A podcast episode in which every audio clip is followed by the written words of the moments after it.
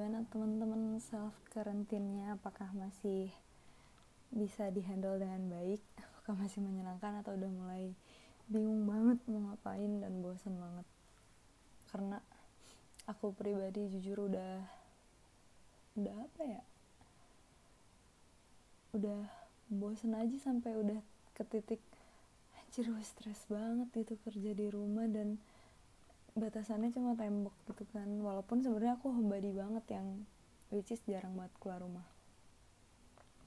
Uh, di pesan suara ini aku nggak nggak nggak bakal menceritakan tentang covid atau working from home atau self quarantine tapi aku mau bercerita curhat tentang beberapa hal yang sebenarnya udah aku pendem lumayan lama karena agak bingung dan bingung aja sih gimana nyampeinnya gitu. Dan agak takut juga takut ada yang tersinggung atau kayak gimana. Cuma rasanya aku harus banget bilang dan cerita soal ini. Jadi ini casual aja nih anggap aja aku lagi curhat sama kalian. Dan kalau kalian mau curhat balik juga boleh nanti bisa reply di bawah tweet ini. Jadi kan aku nulis fanfiction ya terus ada satu fanfiction aku yang ternyata uh, alhamdulillah dikenal oleh banyak orang. And I wasn't prepared for that sama sekali. Karena dari awal aku sering bilang kayak gini tapi dari awal emang ketika aku menulis fanfiction itu aku nggak punya ekspektasi apa-apa nggak punya target apa-apa. I just write what I wanted to write kala itu. Sebentar ya. Ya ma bentar sorry ini emang gak proper karena ini bukan podcast ini cuma curhat dong terus uh, uh, alhamdulillah fanfiction itu mendapatkan respon yang luar biasa dari banyak teman-teman baik yang di dalam fandom atau bahkan uh, bukan K-popers gitu. Cuma terjadi beberapa kecemasan setelah fanfic ini dikenal. So, aku cuma aku hanya akan bercerita dua hal. Sebenarnya nggak banyak banyak amat tapi ini yang paling aku paling agak apa ya paling paling bikin bingung gitu selama ini. Yang pertama adalah uh, karakterisasi. Ini jujur kadang aku juga apa ya uh, kalau misalkan bingung ngomongnya tapi kan jadi uh, di fanfiction ini aku membawa Doyong sebagai visual dari main cast dari pemeran utama. Nah aku membuat karakter Doyong sedemikian rupa sampai tapi akhirnya yang paling sering diingat oleh pembaca adalah karakternya dia ini galak dan terus dijadiin bercandaan gitu kan kayak kahim galak kayak eh kahim galak kahim galak kayak gitu nah aku ngelihat uh, sebenarnya aku aku paham sih kalau misalkan membaca ngomongin kayak gitu kan konteksnya emang lagi ngomongin fiksi dan bercanda juga kan. Kayak ya gimana sih? Gitu kayak ngeledekin orang kayak dikenal padahal enggak gitu. Tapi kan kalau misalkan baca fiksi kadang kita suka ngerasa deket gitu kan. Tapi jadinya ada beberapa orang yang emang dia nggak baca fiksi tersebut. Terus jadi merasa terganggu karena orang Doyong tuh gak galak gitu Doyong tuh baik perhatian terus dia pintar dan lain-lain. Itu yang agak bikin aku gimana ya? Aku bingung sih gimana jelasinnya tapi yang jelas Doyong di sini bukan Doyong di kehidupan nyata tapi adalah karakter fiksi yang uh, karakterisasinya juga udah dibangun sedemikian rupa supaya bisa bikin si fiksi ini lebih hidup. Bingung gimana ngomongnya? Ya pokoknya gitu lah gitu. Tolong bisa bedain mana fiksi dan mana kehidupan nyata. Aku juga jadi uh, aku menemukan titik kesalahannya di mana sih? Menurut aku yang paling fatal kenapa orang-orang jadi bilang ya galak galak galak. Terus sampai bikin orang lain yang gak baca tulisannya merasa dalam tanda kutip tersinggung. Karena aku dari awal nggak mengganti nama si visualisasinya. Itu salah satu hal yang aku pikir kesalahan paling besar adalah karena aku nggak mengganti. Jadi uh, orang tetap ngomongnya doyong kahim doyong kahim padahal kalau misalkan dari awal aku udah nggak pakai nama aslinya mungkin nggak akan segininya gitu. Jadi orang juga tetap bisa bedain oh ini lagi ngomongin fiksi oh ini lagi ngomongin beneran kayak gitu. Karena ada perbedaan di nama kan itu kesalahan aku.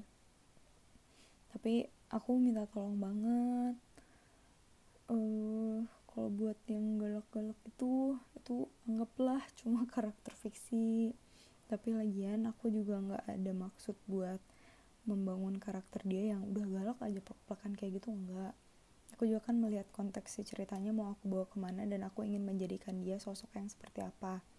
Aku tuh pengen dia jadi kaim yang terlihat uh, berwibawa bertanggung jawab tegas disegani intimidating dan lain-lain. Itu dalam konteks fiksi. Tapi kalau misalkan aku ngeliat Doyong secara nyata dia sebagai Doyong ya beda lagi. Walaupun dia tetap punya beberapa karakter itu seperti bertanggung jawab tegas dan lain-lainnya.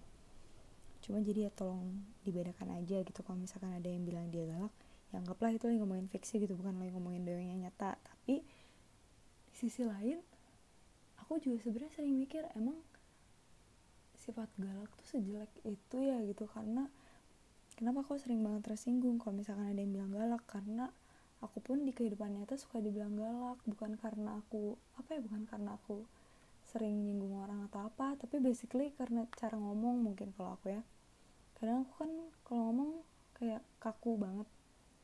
Terus suara aku juga berat kan jadi kesannya kayak Citra mau galak pisan kalau ngomong sama itu gitu. Padahal aku tuh ngomong biasa kayak gitu. Jadi aku harap galak nggak terlalu ini terserah ya dalam dalam atau di luar konteks tapi galak jangan terlalu dilihat sebagai sesuatu yang negatif karena menurut aku aku nggak tahu ya apakah galak tuh 100% negatif atau kayak gimana karena kalau aku sama teman-teman aku sering ngomong galak buat bercandaan aja kayak galak buat tuh lagi PMS ya gitu-gitu. Cuma kan cara bercanda setiap orang beda-beda ya. Dan Doyong juga bukan teman dekat kita yang bisa kita bercandain kayak ke teman dekat gitu. Tapi jadi intinya adalah tolong bisa membedakan mana fiksi dan mana real life ya. Kemudian uh, soal um, himpunan sering diomongin di best aku jujur aku seneng banget. Terima kasih teman-teman sudah menunjukkan rasa sayang dan apresiasinya lewat cara apa pun yang kalian lakukan. Aku baca banyak yang teman-teman kirim dan di sana gimana ya? Di aku aku paham sih aku yakin women no harm women no harm gimana sih yang benar? Tapi yang jelas kita kita aku teman-teman semua nggak pernah ada niatan buruk ketika nge-share sesuatu yang berkaitan dengan himpunan di BES aku pribadi sih nggak pernah membagikan himpunan di BES aku kalau membagikan konten himpunan pasti di akun pribadi aku di fan girling akun aku. Tapi aku percaya kalau teman-teman membagikan konten itu teman-teman gak ada niatan buruk sama sekali. Gak ada niatan untuk um, mengubah persepsi orang gak ada niatan untuk menjatuhkan idolnya sendiri dan lain-lain. Aku yakin banget. Tapi memang ada beberapa hal yang harus kita perhatikan. Uh, kita juga harus tahu tempat dan situasi. Kita juga harus mengenal karena waktu itu pernah kejadian uh, himpunan ini waktu awal-awal dikenal itu sering masuk satu base dan jadinya cukup mengganggu dalam tanda kutip ke orang-orang yang nggak tahu atau nggak suka. Terus jadi menjadikan keributan kecil yang jujur aku baca semuanya. Semua dari yang mengapresiasi sampai yang mengkritik aku baca semuanya dan jadinya apa ya? Aku kalau misalkan ada orang yang memberikan kritik dan kritik yang membangun aku akan membuka seluas-luasnya. Silakan untuk aku berkembang juga supaya aku bisa berkembang. Tapi jadi ada yang mengkritik di luar konteks gitu sampai menjatuhkan karakter lah sampai menyalahkan autor lah dan lain-lain. Jadinya aku bingung kan kayak aduh gitu. Orang aku nulis fanfic juga buat ya buat ya buat wadah aku mengekspresikan diri aja dan buat seneng-seneng aja gitu buat ngasih hiburan ke teman-teman. Buat ngasih cerita ke teman-teman tapi kok jadinya malah menimbulkan keributan di beberapa pihak kayak gitu. Terus aku juga pernah ngomong sih di tweet kapan ya? Aku udah agak lupa cuma belum lama kok. Aku bilang kalau bisa jangan di up di base apalagi di official account jangan ya jangan di reply atau tweet kalau misalkan mau ngomongin boleh banget di personal account aja atau direct ke aku. Dan kebetulan juga ada aku udah bikin uh, grup lain biar kalau misalkan teman-teman mau ngobrolin soal himpunan bisa di situ juga. Karena aku tahu kalau misalkan kita punya interest yang sama uh, terhadap sesuatu hal termasuk cerita tuh bakal lebih seru kalau kita punya teman ngobrol. Ya gak sih? Kayak ya bisa bedah buku tapi kayak lagi ngomongin orang. Tinggal misalkan uh, kalau aku ya kalau aku misalkan aku jadi pembaca pasti aku butuh temen yang baca buku yang sama buat ngobrolin karakternya atau alur ceritanya. Misalkan kayak eh iya sebenarnya tuh Jeffrey tuh naksir ya sama Naya? Tapi masa dia kayak gini sih? Gitu gitu gitu. Itu maksud aku kayak ngomongin orang padahal kita lagi ngomongin karakter fiksi. Kayak gitu aku paham betul nggak paham betul kali ya soalnya kayak baru banyak bingungnya gitu emang salah satu kekuranganku adalah sering bingung. Terus apa lagi ya? Itu sih dua hal itu sih yang paling krusial karena lebih anas aku kalau misalkan lagi gabut juga sering search keyword himpunan kahim gitu. Kayak pengen tahu tanggapan orang-orang kayak apa. Jadi aku sering menemukan komentar-komentar yang alhamdulillah banyak yang baik tapi ada beberapa juga yang mengkritisi. Ada beberapa juga yang nyinyir. Jadinya kayak ya udah tuh maafin gitu gimana atau apa harus ngapain ya? Tapi aku berusaha uh, untuk gimana ya? Aku minta maaf kalau misalkan omongan aku ada yang menyinggung ya. Aku bingung sih gimana ngomongnya biar pesannya bisa tersampaikan dan teman-teman juga bisa paham aku juga masih banyak kekurangan dalam menulis dan semoga teman-teman bisa menjadi pembaca yang bijak juga. Terus apa lagi ya? Hmm, oh iya terus aku juga beberapa kali menemukan atau mendengar cerita banyak dari teman-teman yang pengen coba nulis. Kayak aduh aku pengen coba nulis tapi ini tapi itu tapi ini tapi itu. Terus banyak ketakutan ketakutan seperti nanti gimana kalau nggak ada yang suka? Nanti gimana kalau ada yang nggak eh kalau nggak ada yang baca? Nanti gimana kalau uh, readersnya cuma sekian?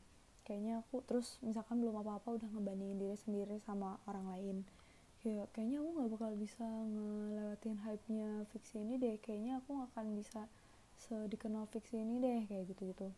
Aku harap teman-teman nggak bisa berpikir eh nggak usah berpikir seperti itu ketika mau mulai menulis karena ketika kita mau melakukan sesuatu tapi di awalnya udah banyak tapinya ntar kita nggak bakal mulai-mulai itu dan waktu itu juga aku baca di di mana waktu itu aku baca di Instagram atau di Twitter gitu ada yang ngepost dan compare your start with someone's apa coba? Aku lupa. Tapi intinya kayak jangan jangan ngebandingin awal kalian dengan perjalanan orang yang udah mulai duluan kayak gitu. Jadi jangan dibandingin lah. Kalau kita mau bandingin diri sendiri ya dengan diri sendiri kita di hari-hari sebelumnya aja jangan sama orang lain. Karena ngebandingin diri kita dan orang lain tuh kayak nggak bakal ada ujungnya. Lebih banyak kayak mak bukan lebih banyak kayak banyak banget orang yang lebih lebih lebih lebih dari kita. Lebih pintar lebih cantik lebih dermawan lebih bijaksana lebih menyenangkan lebih ini lebih itu lebih ini lebih itu. Nggak ada beresnya coy. Asli deh. Jadi kita kalau mau bandingin diri sama orang tuh nggak ada garis akhirnya. Jadi teman-teman kalau mau nulis please start writing without comparing. Aku percaya setiap tulisan punya magicnya masing-masing. Dan aku percaya harga sebuah tulisan itu bukan dari angka bukan dari berapa banyak yang baca bukan dari berapa banyak yang vote bukan berapa dari eh bukan dari berapa banyak yang komen tapi dari nilai dan pesan apa yang mau teman-teman sampaikan lewat tulisan yang teman-teman buat. Dan tujuan menulis itu penting menurut aku. Karena ketika kita nulis buat diri sendiri dan ketika kita nulis buat orang lain itu cara kita nulis juga bakal beda. Aku nggak tahu sih which one is better apakah lebih baik kita mencoba untuk nulis untuk diri sendiri atau orang lain tapi pasti ada kurang lebihnya. Tapi please focus on yourself. Kalau menulis masih banyak kurangnya nggak apa-apa banget. Nggak apa banget. Semua orang tuh pasti ada aja kurangnya. Terus kalau misalkan sekarang masih nggak percaya diri juga nggak apa-apa. Karena CEO aku pernah bilang yang namanya kepercayaan diri itu nggak selalu harus ada di depan tapi dia bisa ada di tengah bahkan di akhir ketika kita sedang berproses atau sudah mengakhiri prosesnya. Jadi yang tapi yang penting mulai dulu aja karena kalau misalkan kita nggak mulai kita nggak akan bisa beres-beres. Kita nggak akan bisa sampai ke akhirnya. Udah kayak gitu aja sih curhatan aku malam ini. Apalagi ya? Gitu aja sih. Pokoknya teman-teman kalau mau fangirling fangirling dengan menyenangkan lah jangan nambah-nambah stres dan beban hidup karena hidup kita juga udah banyak masalah. Aku nggak tahu sih tapi aku juga sebenarnya nggak banyak masalah tapi kayak ade aja gitu yang dipikirin. Jadi aku nggak mau menambah pikiran dengan hal-hal lain yang sebenarnya nggak perlu dibikin pikirin amat kayak gitu. Dan fan girling supposed to be fun betul atau tidak? Betul kan? Gitu deh pesanku malam ini. Aku harus kembali melanjutkan sesuatu yang lain. Mohon maaf aku belum bisa update sampai sekarang udah lama banget ya udah berbulan-bulan. Aku bahkan udah nggak inget chapter terakhir tuh aku ngomongin apa. Karena aku juga ada hal lain yang harus diurusin. Semoga bisa dipahami dan semoga semoga apa ya semoga kita semua sehat terus. Loh ini pokoknya ini pandemi ini udah bikin stres banget. Jadi please be gentle with yourself. Don't push yourself way too hard karena mungkin itu hanya akan memper pushing keadaan gitu ya. Gitulah pokoknya teman-teman. Stay safe di rumah aja. Ah bingung. Ah, kalau ada yang mau menanggapi atau berdiskusi please leave your reply. Akan aku baca nanti weekend kayaknya kalau misalkan udah ada kosong. Aduh sebenernya tadi ada yang mau diomongin tapi nanti lagi aja lah. Tadi kelewat kelewat. Aku nggak nulis skrip soalnya. Dan ini aku udah berapa menit ngomongnya kayaknya udah lumayan lama. Gitu deh kalau misalkan ada yang mendengarkan sampai akhir terima kasih banyak semoga dipahami. Oh ya dan kalau misalkan di antara teman-teman yang dengar ini ada yang pernah kirim tentang himpunan ke base uh, please don't be sorry nggak usah bilang maaf sama aku. Serius nggak apa-apa. Beneran aku nggak apa-apa. Aku di sini juga cuma pengen ngingetin aja pengen ngasih tau aja. Dan kalau misalkan aku ada salah juga tolong ditegur baik-baik. Kita bisa ngomong berhadapan-hadapan tatap muka bukan ditunjuk-tunjuk oke? Okay? karena udahlah kita mah yang enak aja lah yang santai-santai aja ya gak sih? Jadi kalau misalkan ada yang salah mangga ditegur baik-baik ya semoga kita bisa saling memahami dan saling memaafkan. Ini 10 hari lagi kita lebaran. Nggak kerasa banget gak sih? Jauh lebaran gitu. Udah pokoknya gitu ya teman-teman. Selamat istirahat. Mari kita berdoa bersama-sama. Semoga covid-19 ini cepat berakhir supaya kita bisa beraktivitas dengan normal kembali. Aku udah capek banget sama new normal ini. Kayak aduh please udahan gitu. Pengen pengen normal lagi pengen naik gojek gitu ke mana-mana. ya mari kita saling berdoa. Menurut kepercayaan dan agama masing-masing berdoa mulai. Berdoa selesai. Terima kasih teman-teman sudah mendengarkan. Sampai jumpa di pesan suara berikutnya. Kalau ada wassalamualaikum warahmatullahi wabarakatuh.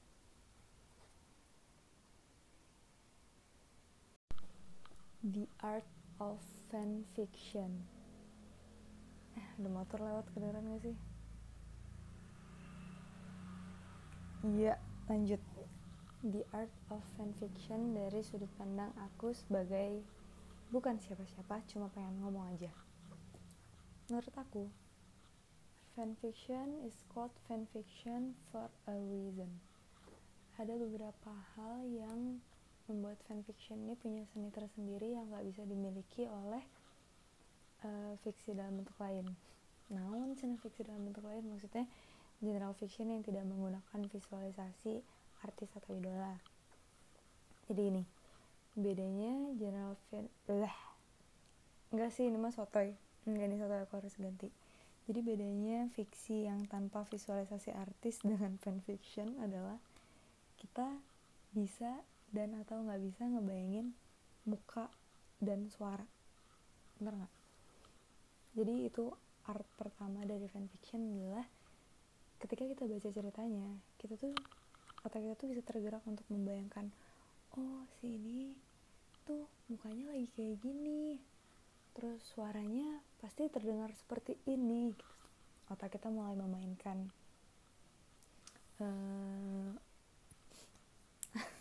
kenapa ya aku tuh mau ngomong apa? Pokoknya otak kita mulai berimajinasi yang lebih kebayang lah gitu walaupun sebenarnya kalau misalkan kita baca uh, fiksi umum yang nggak ada visualisasinya juga kita bisa ngebayangin kan karena si penulisnya karena si penulis biasanya ngasih deskripsi kayak tingginya sekian dia biasa pakai kupluk terus dia punya kumis tipis terus dia kalau jalan selalu berkaca pinggang atau kayak apa itu yang bisa membangun uh, imajinasi kita juga dan itu juga bagus karena mengasah kreativitas.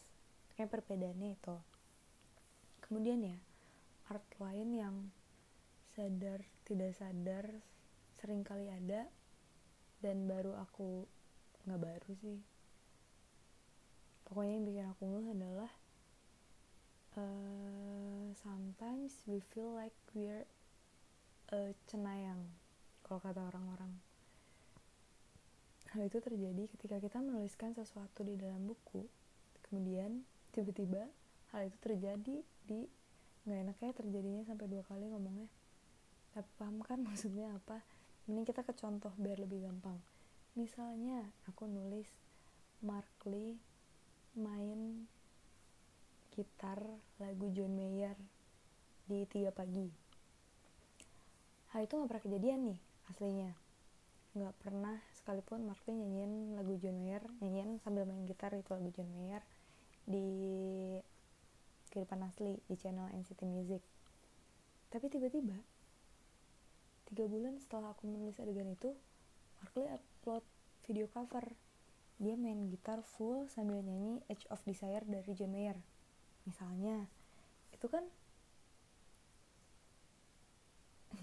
nungguin ya aku mau ngomong apa.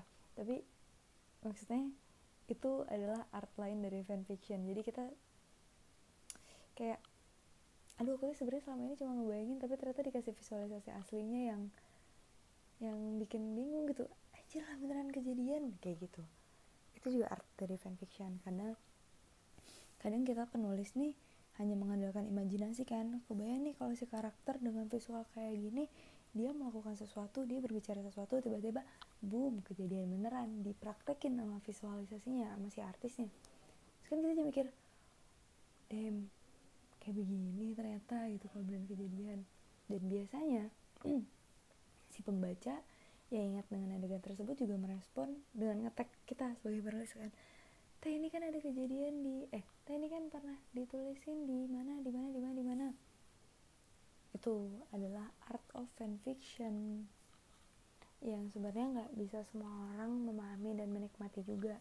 Ini biasanya bisa dinikmati oleh kalangan orang-orang yang menulis dan membaca fanfiction aja. Itu. Karena pasti ketika hal itu terjadi ada aja orang yang mikirnya apa sih? Apa apa dikaitin sama fiksi? Apa apa dikaitin sama fiksi? Padahal kalau aku sendiri aku nggak tahu kalau teman-teman kayak gimana tapi kalau aku sendiri ketika hal itu terjadi ketika tulisan aku tiba-tiba divisualisasikan dengan nyata aku punya dua sudut pandang.